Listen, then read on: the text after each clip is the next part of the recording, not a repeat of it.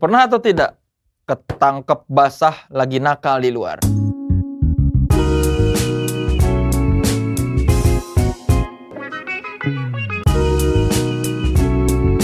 Tripod Show, sit and relax. Halo saudara-saudara, selamat datang di Tripod Show, sit and relax bersama Soleh Solihun yang sudah pasti sedang sit and relax.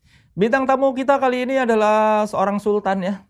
Walaupun zaman sekarang kayaknya banyak banget sultan ya. Tiap daerah ada sultannya. Sebelum saya panggil bintang tamunya, saya bacakan dulu Wikipedia. Raffi Farid Ahmad, kelahiran Bandung 17 Februari 1987. Anak sulung dari tiga bersaudara, pembawa acara, aktor, produser, penyanyi, dan pengusaha sukses. Wah, ini dia Sultan Andara yang katanya sangat suka kepiting dan tidak suka rambutan. Itu sungguh info yang bermanfaat sekali ya. Ngapain saya bacain di Wikipedia? Oke, sebelum saya panggil, kita bacakan dulu three statements. Yang pertama, Raffi Ahmad mau menjual Rans Entertainment. Uh. Yang kedua, Raffi Ahmad nggak pernah minta maaf sama Gigi meskipun salah. Yang ketiga, Raffi Ahmad tidak punya hari libur dalam hidupnya. Wah. Oke, saudara-saudara, beri sambutan yang meriah untuk Raffi Ahmad. Si Sultan Andara apa kabar? Kang, eh, Kang. Sultan Sultanan. Sultan Sultanan kan ada Sultan Andara, ada Sultan Bintaro. Itu mah api-api lah. Wes, Ya tapi diaminkan we siapa tahu jadi sultan beneran. benar-benar. Tapi kan minimum memang di Andara Aku kan boleh minum? Boleh. Kan katanya di Andara itu berapa kapling sudah milik Raffi Ahmad. Iya, tapi kan itu bertahap gitu, Kang. Dari dulu belinya juga udah yang awal. Ah, waduh. Tuh, kan? Jatuh. Ada sesuatu nih berarti. Kata jong sesuatu nak. Nah, kan baik nggak usah diedit lah ya. Ya, apa-apalah. Jadi kan ada Natural, natural, natural. natural. Bertahap. Bertahap. Di Andara tuh dari tahun berapa? Dulu beli rumah pertama. Oh enggak, pertama teh Andara 2011. Eh, sebelumnya di Sebelumnya 2011 2012 tuh di Andara. 2009 2000 du- 2009 di Lebak Bulus. Hmm. Sebelumnya lagi ada bangun tanahnya punya nenek aku. Aku pertama bangun rumah di Jakarta tuh itu. Di tanahnya nenek aku. Hmm. Aku bangun di sana Di daerah di daerah Petamburan. Petamburan. Tapi aku nyesel Kenapa? karena setelah aku pindah karena itu tanah nenek aku itu jadi punya nenek aku tapi nggak apa-apa lah Iya, hitung-hitung hadiah buat nenek. Itu lah ya. hadiah buat nenek Jadi, jadi dari 2011 teh satu kafling dulunya. nggak dulu pertama kali beli tiga kafling dulu pertama beli udah tiga kafling tapi harganya juga nggak seperti sekarang Belum ada jalan tol ya. belum ada dulu jalannya aduh jalan kecil Mm-mm. cuman ya itulah memang benar kalau kita beli tanah atau ngebangun rumah teh mau rugi nggak rugi Mm. daripada kita beli mobil aduh Menurun. kita baru beli aja tanda tangan udah langsung turun 20% saat kita tanda tangan. Tapi tetap aja beli mobil terus ya. Enggak, udah enggak. Udah enggak? Udah enggak. Kenapa? Udah mikir lah. Loba gaya ngeslieu. Udahlah, pusing. Ini ada mobil lagi marah rahal atau rek meuli mobil meuli mana Cari endorse aku Oh, cari iya. endorse. Mobil ada. Berarti sekarang udah berapa kafling di Andara? Berapa ya? 8. Wah, luar biasa. Wah. Tapi kan bertahap. Iya. Tapi kan aku tinggal nggak sendiri Kang. Sama mama. Gue tuh tinggal sama nyokap gue. Ada adik gue juga. Jadi memang sukanya rame. Kebetulan si Ran sendiri. Mm-mm. Base campnya tuh di sebelah. Oh. Jadi emang mm, rame lah gitu. Nah ngomong-ngomong Rans ini kita langsung apa konfirmasi three statement yang tadi. Eh, memang Raffi Ahmad mau menjual Rans, Rans Entertainment? Ada yang menawarkan. Udah ada yang nawarin. Oh, iya? Beberapa ada company besar lah. Hmm. Bahasanya tuh ada yang mau mengakuisisi, Iya. bukan membeli lah, mereka mengakuisisi.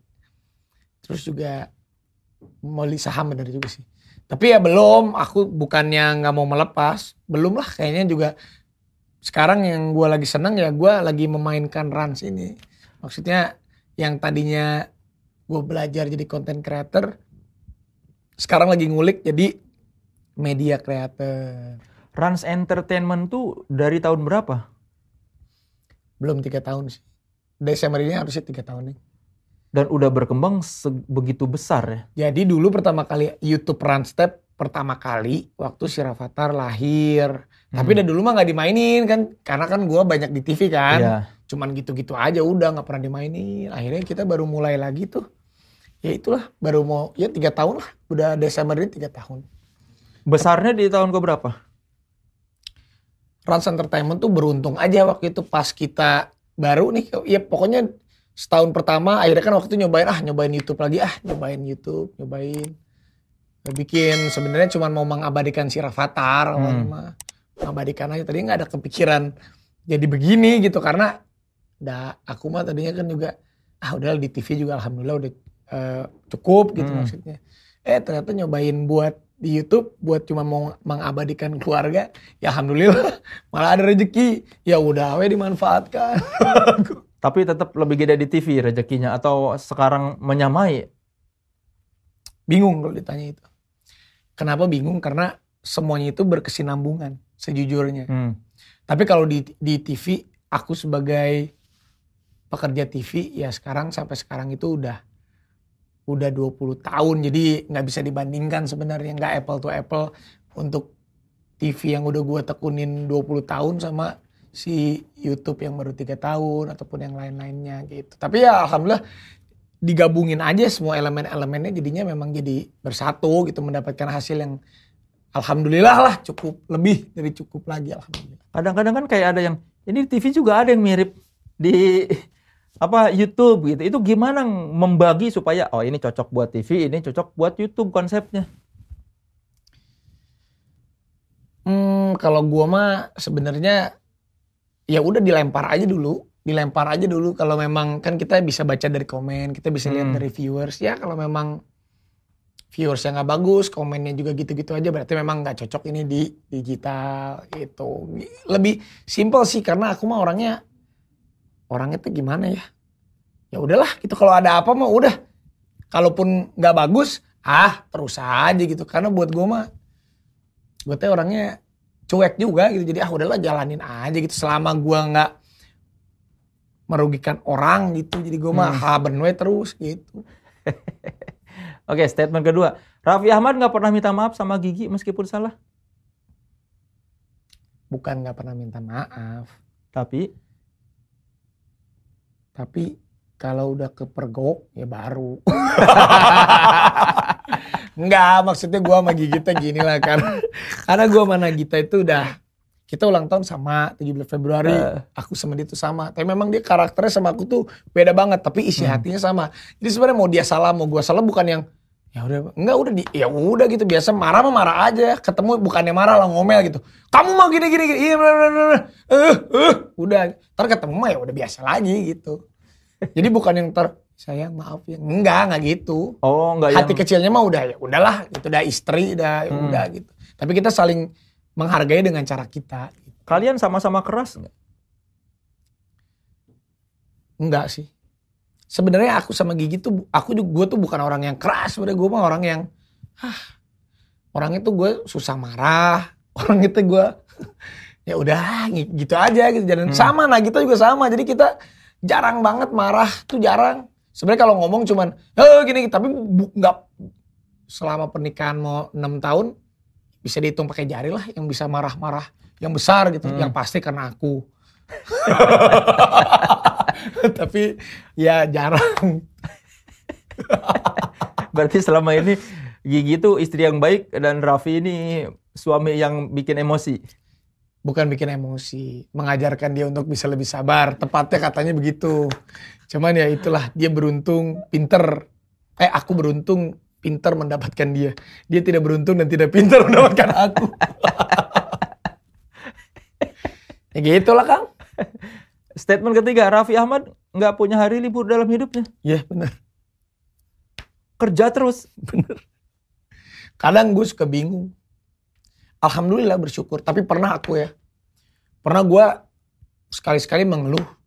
Uh, capek gua. Eh, dua hari kemudian ditangkap aku sama BNN.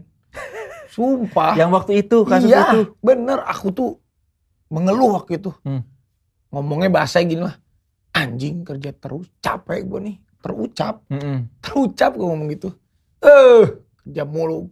Dua hari kemudian, ada kejadian BNN. Tiga bulan gak ada kerjaan sama sekali. Nah, Astagfirullahaladzim. Tapi ya udah, memang gue sendiri orangnya suka kerja. Gue teh suka nggak bisa diam orangnya. Kadang kalau liburan lebih dari 4-5 hari kalau nggak kerja pusing. Jadi gigi pun tahu. Jadi gue kerja sehari tuh setiap hari bangun jam 6 pagi, pulang. Pulang pun kan kantoran di sebelah. hmm. Ya udah langsung kerja. Paling tidur jam 3, setengah 4, jam 6 bangun, setengah 7 bangun. Selalu begitu. Jadi tim runs gue teh, mereka ma- masuknya jam 1, jam 2, kadang jam 3 siang. Karena kerjanya sampai jam ngikutin ritme sampai aku. iya sampai subuh. Tipes berapa kali setahun? Gak pernah, Nggak pernah. gak pernah. Apa rahasianya? Kondor pernah, turun bero dulu aku pernah. Kebanyakan berdiri. Waktu TK dulu, Oh, kebayang gak aku TK udah turun bero dulu. TK turun bro, emang ngapain aja? Kayaknya nggak tahu menghayal dari TK udah macam. Tapi ya aku alhamdulillah gak pernah tipes. Aku tuh jarang sakit, jarang banget. Karena kalau kita kerjanya niat, happy gitu ya, Hmm. kitanya senang sama pekerjaan itu, semuanya bisa dikalahin. Gitu. Tapi di mobil tidur. Ya, kayak tadi perjalanan ke sini, lumayan setengah jam, setengah jam. Tapi terkadang gue juga kerjaan gue tuh di handphone semuanya. hmm. Di misalnya lagi lagi syuting nih, lagi live, break 3 menit, komersial break kerja gitu. Hmm. Jadi gue tuh harus bikin, aduh gue semalam baru tidur 2 jam, 3 jam nih. Habis live ini ke mana ya? Oh ke Mampang. Oh berarti ada kerjaan nyangkut gak ya? Wah berarti gue kelarin dulu nih pas iklan, gini gue kelarin. Jadi iklan, jadi gue selama live tuh iklannya pas iklan kerja. Ah berarti nanti ada waktu tidur setengah jam, gue bisa tidur gitu. Jadi guanya harus pinter-pinter memanage itu. Apa yang lu cari? Gak ada, emang gue seneng aja. Semua orang nanya gitu, apa yang lu cari? Nah ya alhamdulillah sih gue mah juga udah bukan yang berambisi gimana enggak ya udahlah jalanin aja lah gitu. Da- Dari kapan senang kerja itu? Jadi waktu pas hmm, sebelum ya SMA kelas 1 SMA aku mah udah kerja kan, udah kerja aja. Syuting, jarang sekolah karena tinggal Jakarta sendiri. Hmm. Terus syuting sampai pagi, syuting sinetron. Berangkat ke sekolah, nyampe jam 7.15, tutup gerbangnya kan. Hmm. Ya udah, madol gitu. Udah udah punya mobil dulu kan. Wah. Dari situ jadi malah kerja kerja kerja kerja sampai pas almarhum eh pas bokap meninggal, udah dari situ malah gue teh berdoanya gini waktu pas bokap meninggal, ya Allah, gimana ya aku apakah aku bisa menggantikan? Kan dulu waktu aku gue SMP SMA punya uang sendiri, ada uangnya buat ya meskipun buat nyokap selalu kirim ke nyokap. Gue Hmm. tuh dari dulu honor apa pun kirimnya ke nyokap. Tapi kan gue pikir juga ah nyokap gue paling nabungin buat gue. Tapi pas bokap gue meninggal kan gue langsung kepikiran gimana ya bisa membiayai adik gue dan ibu gue. Aduh ya Allah gimana ya aku takut nggak bisa. Eh sama Allah dikasih kerjaan terus. Ya Hmm. udah sampai sekarang gitu. Jadi karena udah kebiasaan kerja, Iya kalau istirahat tuh malah bingung. pusing. Tapi kadang juga aku suka ngerasa gue tuh suka ngerasa, aduh gue kehilangan banyak waktu. Zaman SMA nggak ada kuliah boro-boro. Sama sekarang aja Rafathar umur 5 tahun, aduh satu umur 1 sampai 4 tahun gue sedikit gitu punya waktu sama dia. Hmm. Kayak pengen ya sekarang lagi direncanakan gimana bukannya pensiun atau meninggalkan, tapi Hmm. kerjaan tuh bisa jadi hobi gitu. Memang sekarang apa aja yang dikerjain misal selain di TV? Kalau di TV kan nggak memikirkan kan, di TV jadi host aja. Ya, Kalau di luar itu apa? Yang seorang Raffi Ahmad kerjakan tuh yang diurus apa aja sih? Tapi yang di TV pun beberapa kreatifnya juga dari Hmm. kita karena kan kalau acara host yang talent search atau gimana-gimana ya kan kita tinggal ngisi tapi kan Iya. kalau ada beberapa acara variety yang memang butuh brainstorming gitu. Hmm. Tapi yang sekarang dikerjain banyak sih kayak lagi mau bikin ya banyak sih yang yang berkesinambungan sama si Rans Entertainment itu.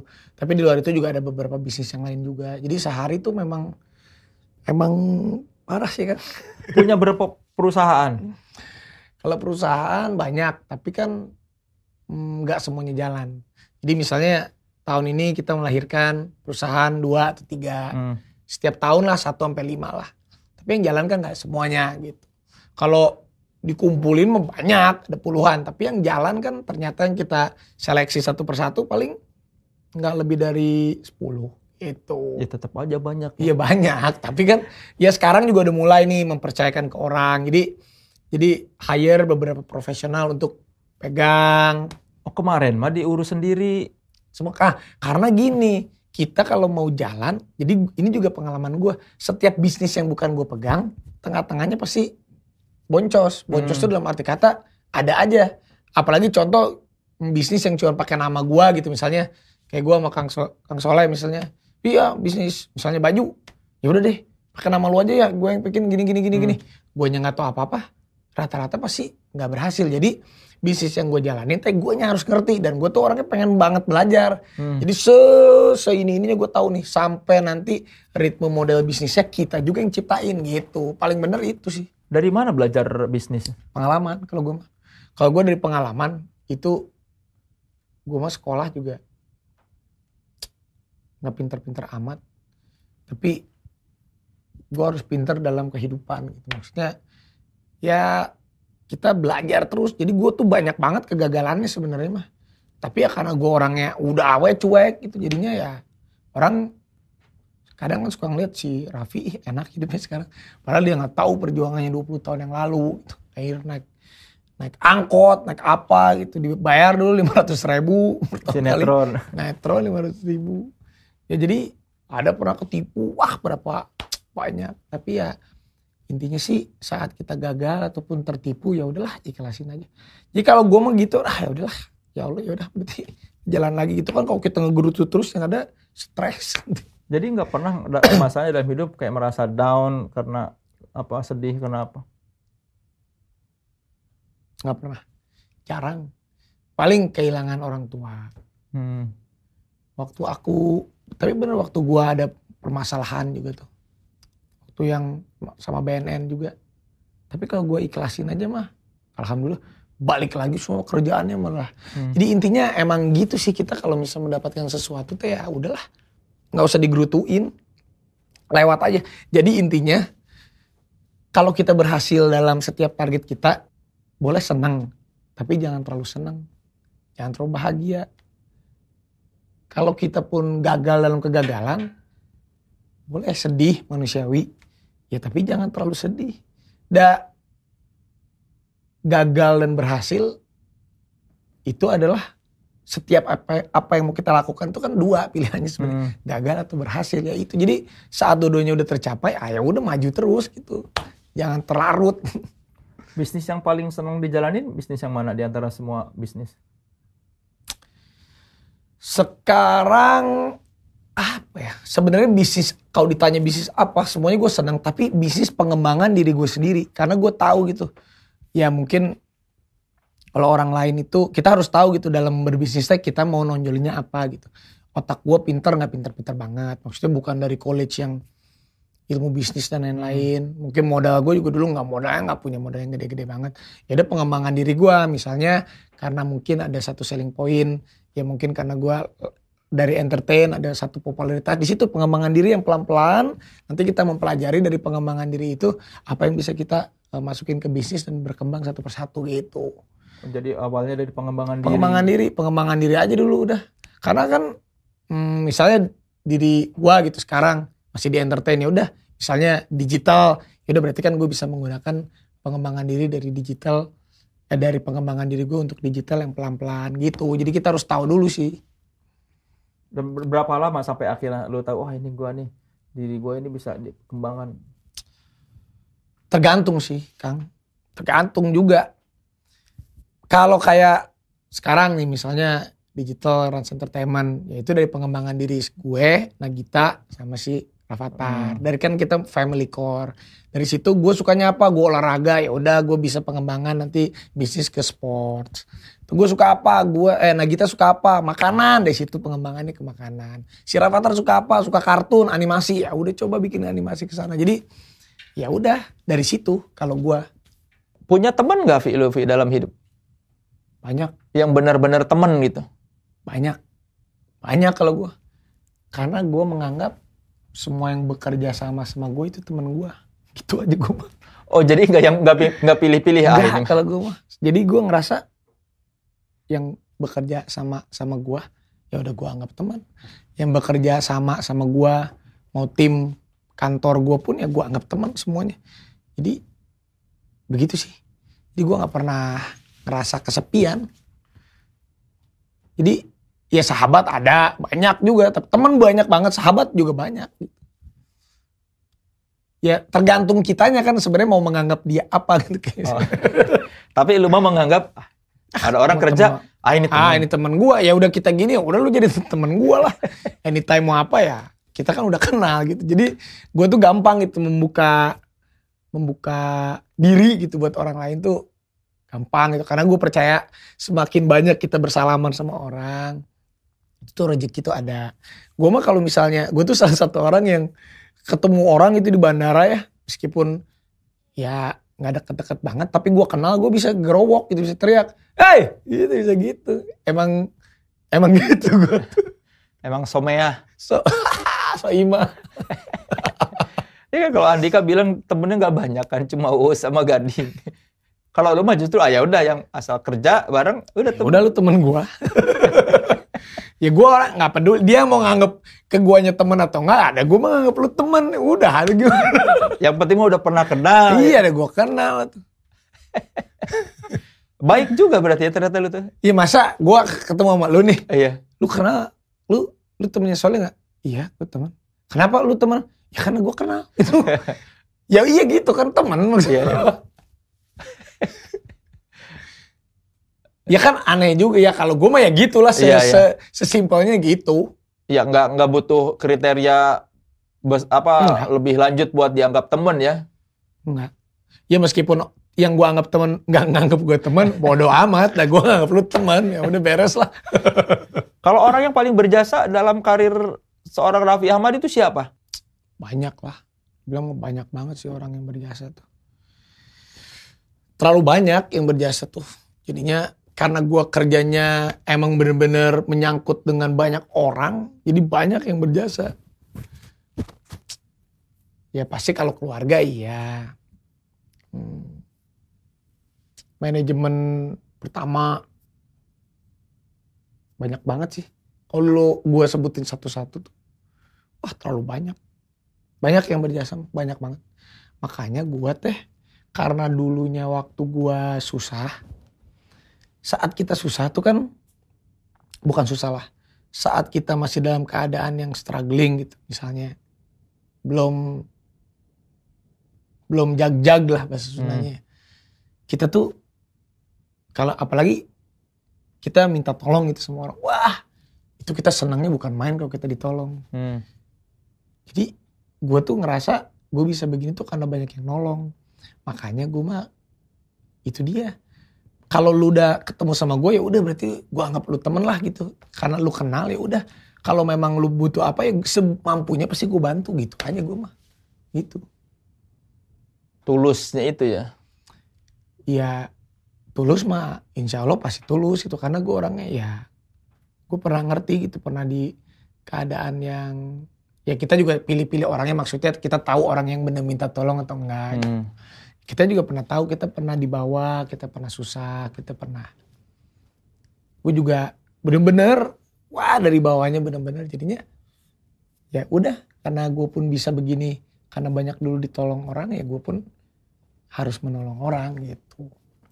Momen kapan sih lu merasa, wah ternyata gua udah, udah sukses nih. gue tuh kalau dibilang itu dia tuh gue tuh nggak pernah tahu ukuran sukses tuh apa. Tapi ya bersyukur mah iya. Hmm. gue bersyukur alhamdulillah ya Allah bermakasih bersy- tapi kalau dibilang sukses ya belum. Kan gini taraf manusia tuh kan kadang pandangan hidupnya tuh berubah-berubah. Hmm. misalnya nih dulu aduh aku pengen beli motor. Pas beli motor aduh aku pengen beli mobil. Dari mobil aku pengen beli mobil sport. Sama halnya dengan sukses gitu. Ya Allah mudah-mudahan aku bisa membahagiakan ibuku misalnya. Membelikan ini itu misalnya saat kita ibu kita merasa kita udah udah serve gitu bahagiakan ibu. Aduh alhamdulillah nih. Atau ngeliat adik kita nih. Aduh ya Allah pengen juga nih aku menjadi pelindung untuk adik-adikku. Dari semuanya udah kita bisa rangkul ya Allah saudara-saudaraku yang susah gitu. Kalau apa aku pengen jadi jadi itu pasti akan ke sana gitu. Jadinya ditanya sukses apa? Ya udahlah kalau saatnya kita sukses kalau gua mah makanya gua kan terus kerja ya kerja dalam arti kata bisa gua punya banyak yang bisa gue lakukan nanti. Ya kalau misalnya gue udah nggak ada gue udah mati mudah-mudahan apa yang gue bisa tinggalkan bisa berguna buat orang banyak gitu. Ya bisa buka panti asuhan sugan bisa buka apa gitu. Jadi ya sekarang juga gue jadi ke situ deh. Pengen pengen deh gue buka sesuatu yang buat sosial gitu. Jadi mikirnya ke sana jadi kalau ditanya sukses teh apa gue nggak tahu lah. Yang penting mah sukses mah. Kalau gue udah mati nggak nyusahin orang tapi matinya gue nggak nyusahin orang tapi yang gue tinggalkan bisa banyak manfaatnya buat orang itu kali. Itu jadi kalau sekarang dalam hidup apa yang belum didapatkan seorang Raffi Ahmad? Banyak. Setiap bertambahnya usia setiap melewati masalah setiap mendapatkan sesuatu rezeki yang gede juga semuanya itu tuh akan merubah kita maksudnya suatu keburukan sekalipun ya pastilah suatu keburukan ke kitanya pasti kita akan jauh berubah. Sesuatu yang baik pun akan merubah kita. Jadi jadi ya dijalanin aja setiap kali apa kita dapat gitu. Itu yang akan merubah setiap kali pandangan. Kalau sekarang Raffi Ahmad itu seperti apa pandangannya?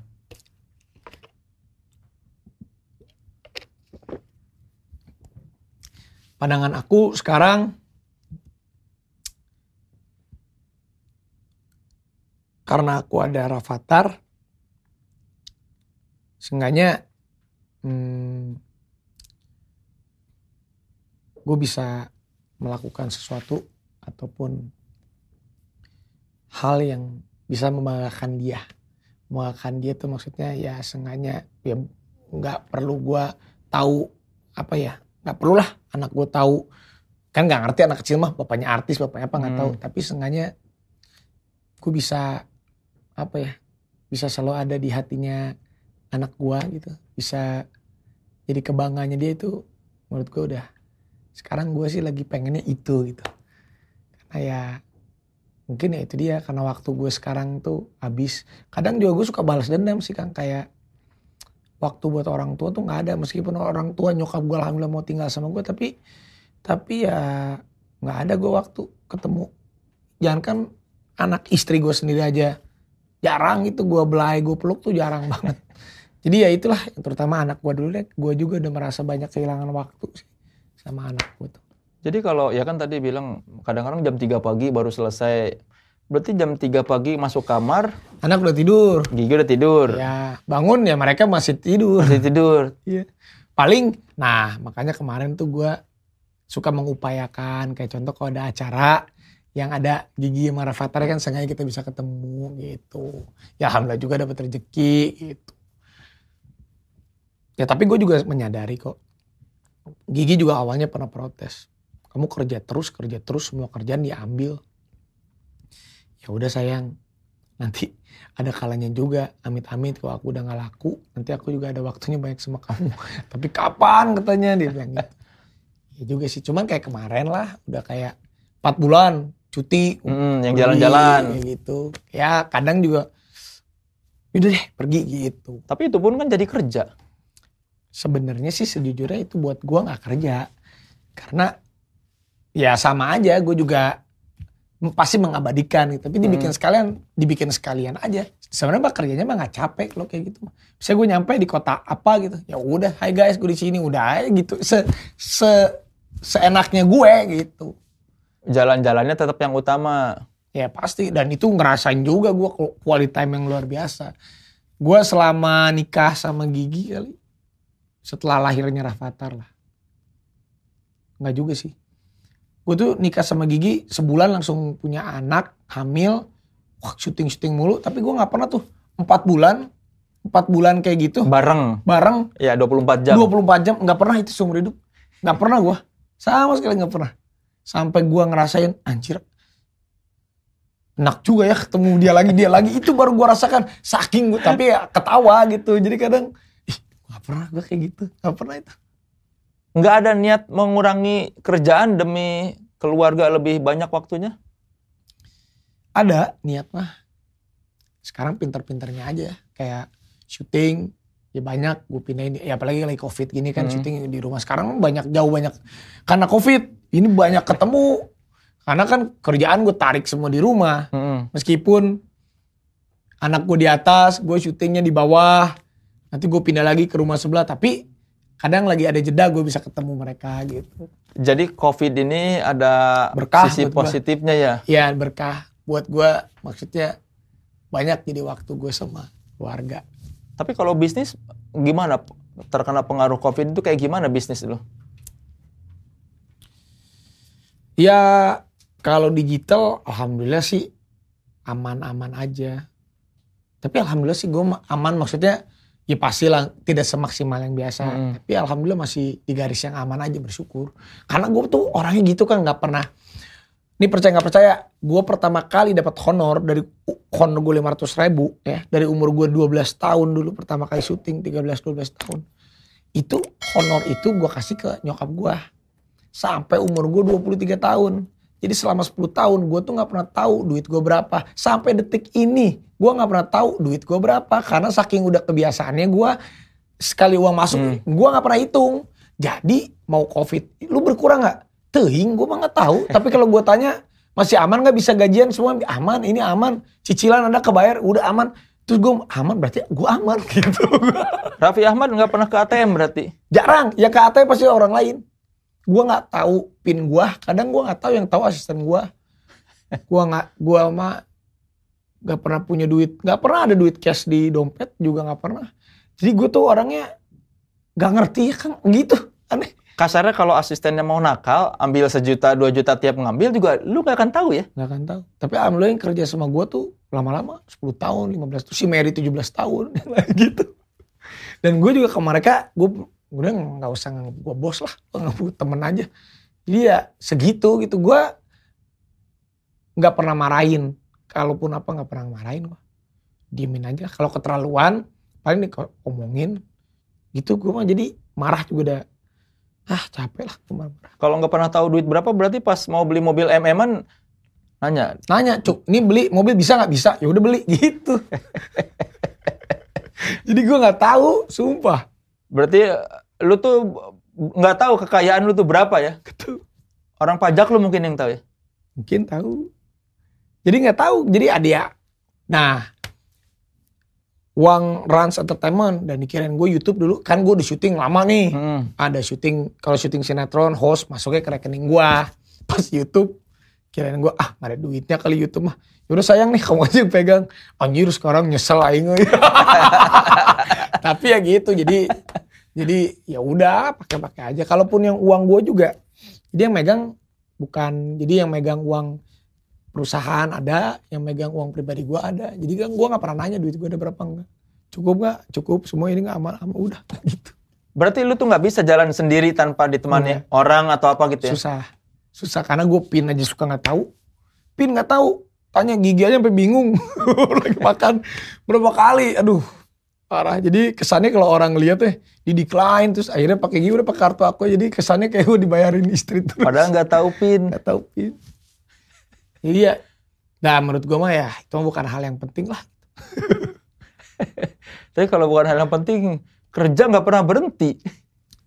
karena itu karena guanya emang udah kebiasaan kerja jadi jadi gue teh jarang bilang enggak gitu. Kerjaan ad, Vi bisa nggak? Bisa.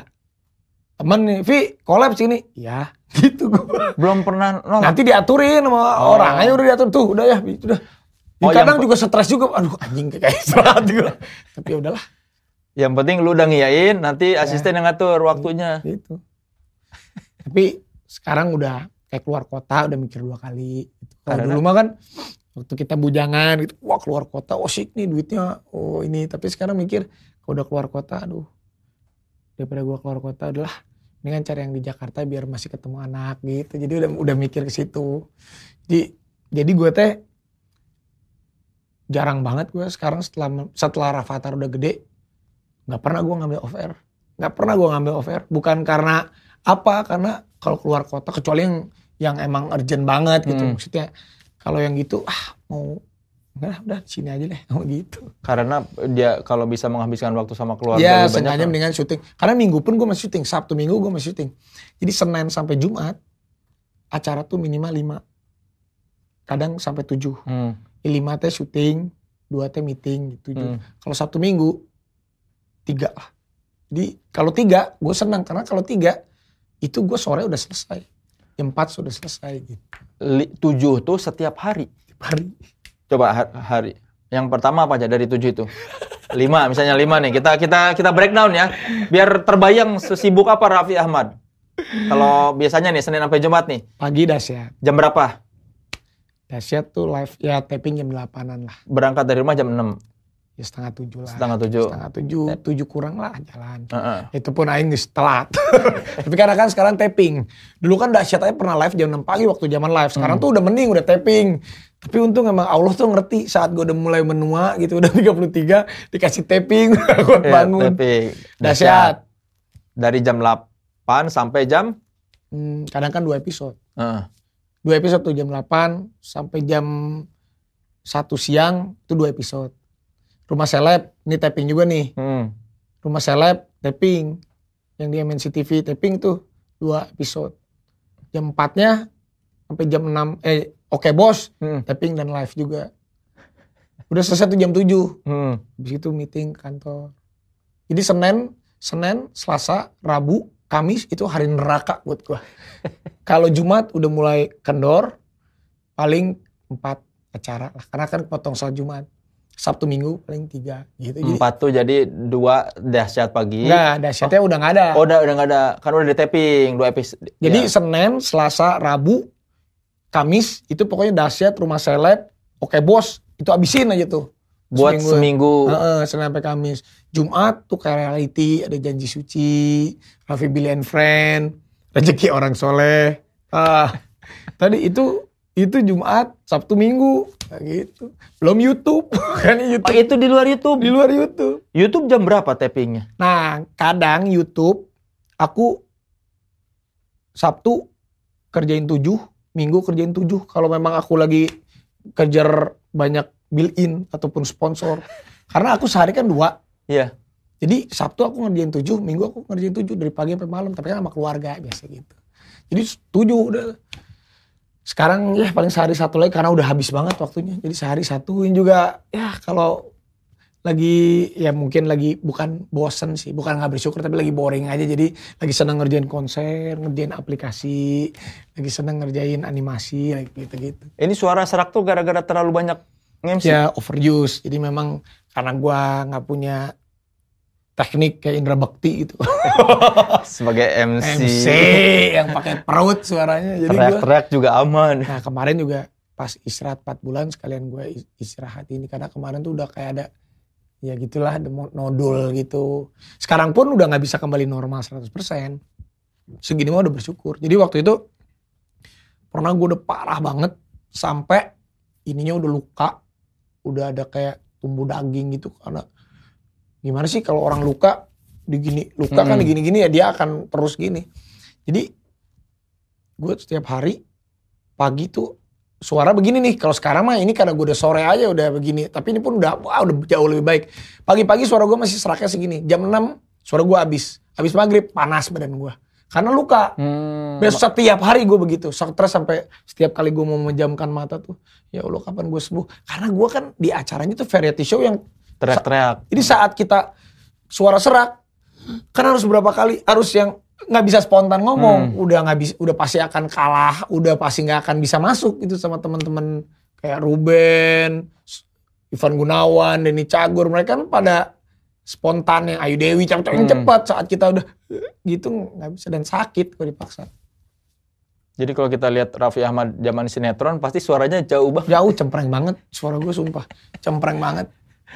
Kita main games dulu sedikit ya. Ini namanya games perda. Pernah atau tidak? Ya, pernah atau tidak pernah. Jadi harus langsung dijawab dan nanti diterangkan soal itu ya. Oke, pernah atau tidak? Stalking akun sosmed mantan pacar? Terakhir kapan? Sering. Oh sering. Ya aku mah cewek-cewek mantan aku banyak. Jadi ya aku stalking kan ya silaturahmi. Karena aku bilang sama Nagita, kamu nggak cemburu nggak usah cemburu lah mantan mantan aku. Kenapa? Karena mantan itu pasti akan ada jatah reuni. Aku bilang jadi kamu nggak usah cemburu. ya reuni kan gue bisa ketemu kapan aja di tempat acara. Tapi ya untungnya Nagita memang gak cemburu juga.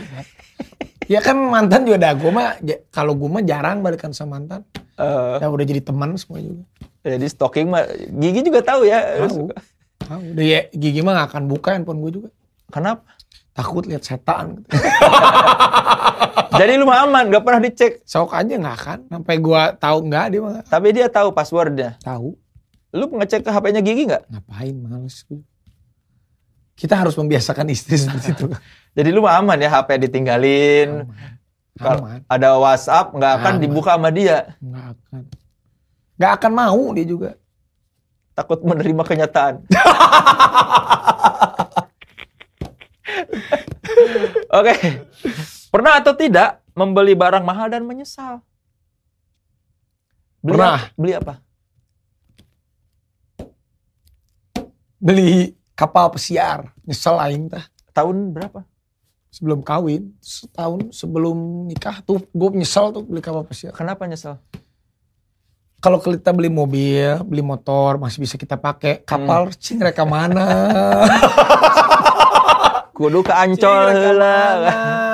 Diparkirnya di Ancol. Jadi dulu gue nih ya cita-cita gue beli kapal pesiar. Jadi gue ada beli- belilah salah satu villa gitu di Pulau Seribu yang Hmm. private gitu. Jadi karena masih bujangan kan. Wah kan ngelihat siapa Denzel siapa yang Dan Bilzerian. wah anjir.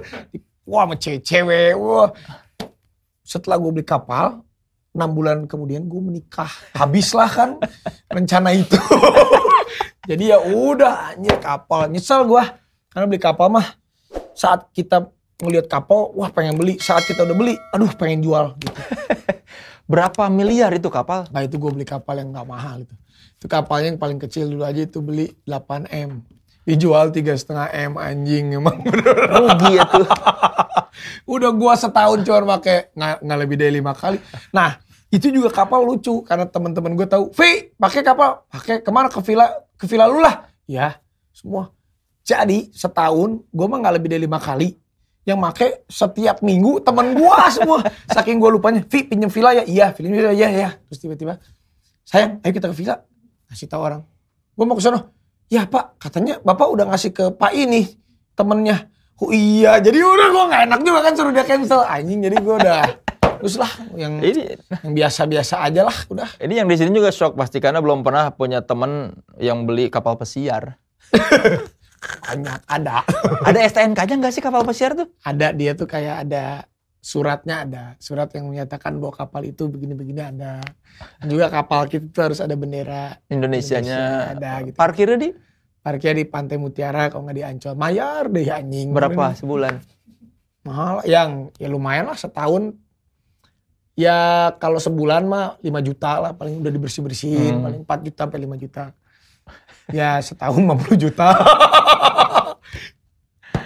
Oke, pernah atau tidak ketangkep basah lagi nakal di luar? tidak dong Wah, kalau ketangkep basah nggak pernah ketangkep kering? nyaris Nyaris. Oh, paling dari chat dari telepon gitu aku mah nggak pernah lah ketangkep basah Ta- Tapi katanya dari chat HP nggak pernah diperiksa. Ya kayak misalnya contoh lagi telepon gitu cewek biasa si Nagita lewat gitu kan kan pasti suka kedengeran suara Eh. cewek siapa ah matiin aja udah Nggak dijawab. nggak usah jawab Terus dia nggak nggak nyecer siapa? Kok nggak? tahu dia berarti Ah, si AA lagi nakal. enggak lah tapi si Nagita mah udah dia mah udah nggak ini juga aku udah bilang lah sayang aku udah udah kita mah udah tau lah istri kita yang terbaik jadi ya nakal juga paling ngapain sih paling gue mau goda-godain doang sekarang mah karena kesempatan juga nggak ada susah Capek. capek udah Pernah atau tidak nerima endorse tapi nggak suka sama produknya? pernah dulu tapi sekarang hmm, enggak sih sekarang rata-rata karena produknya family ya gua gue konsumsi. Ya dulu mah waktu kita masih bujangan mah apa aja. Sekarang juga ya kayak dulu langsing apa gue ambil. Sekarang mah udah nggak nggak. Gue juga pilih-pilih. Maksudnya pilih-pilih yang memang family aja. Hmm. Kalau punya anak cewek, terus nanti ada cowok deketin, persis banget kayak lo kelakuannya. Hmm. Apa yang akan lo nasehatkan? Ya kan gue makanya nggak mau punya anak cewek. Takut. makanya kau punya anak gue bilang sama anak kita cowok aja dulu. Takut gue. Takut apa? Takut nanti punya cowok kayak gue. Kayak, kayak kelakuannya kayak gue. Cuman ya udahlah. Mudah-mudahan aja nanti anak gue baik dapat cowoknya.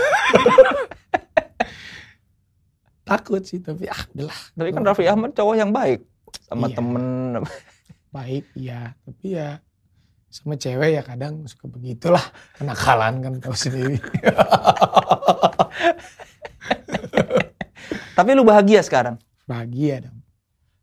Yang Bahagia tuh Hmm. kita yang buat. Makanya bahagia tuh kita yang buat. Sendiri sebenarnya.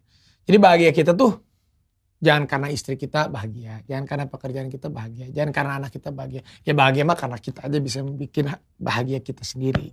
Ya bonus kalau mereka bisa membuat kita bahagia. Luar biasa. Sungguh inspiratif. Inspiratif saudara-saudara. Ini karena waktu sudah sampai ujung, lu punya quotes nggak yang lu pegang dalam hidup? Kata-kata indah yang, oh ini cocok banget nih buat kehidupan lu. Kalau gua tuh dari dulu jadi gue sebenarnya jadi artis, jadi entertain itu udah bukan cita-cita ya.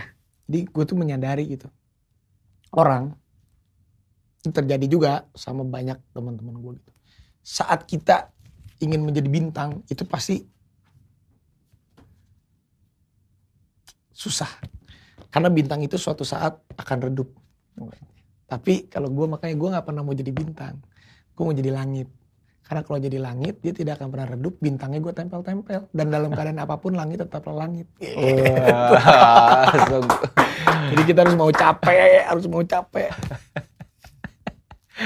ya oke saudara-saudara.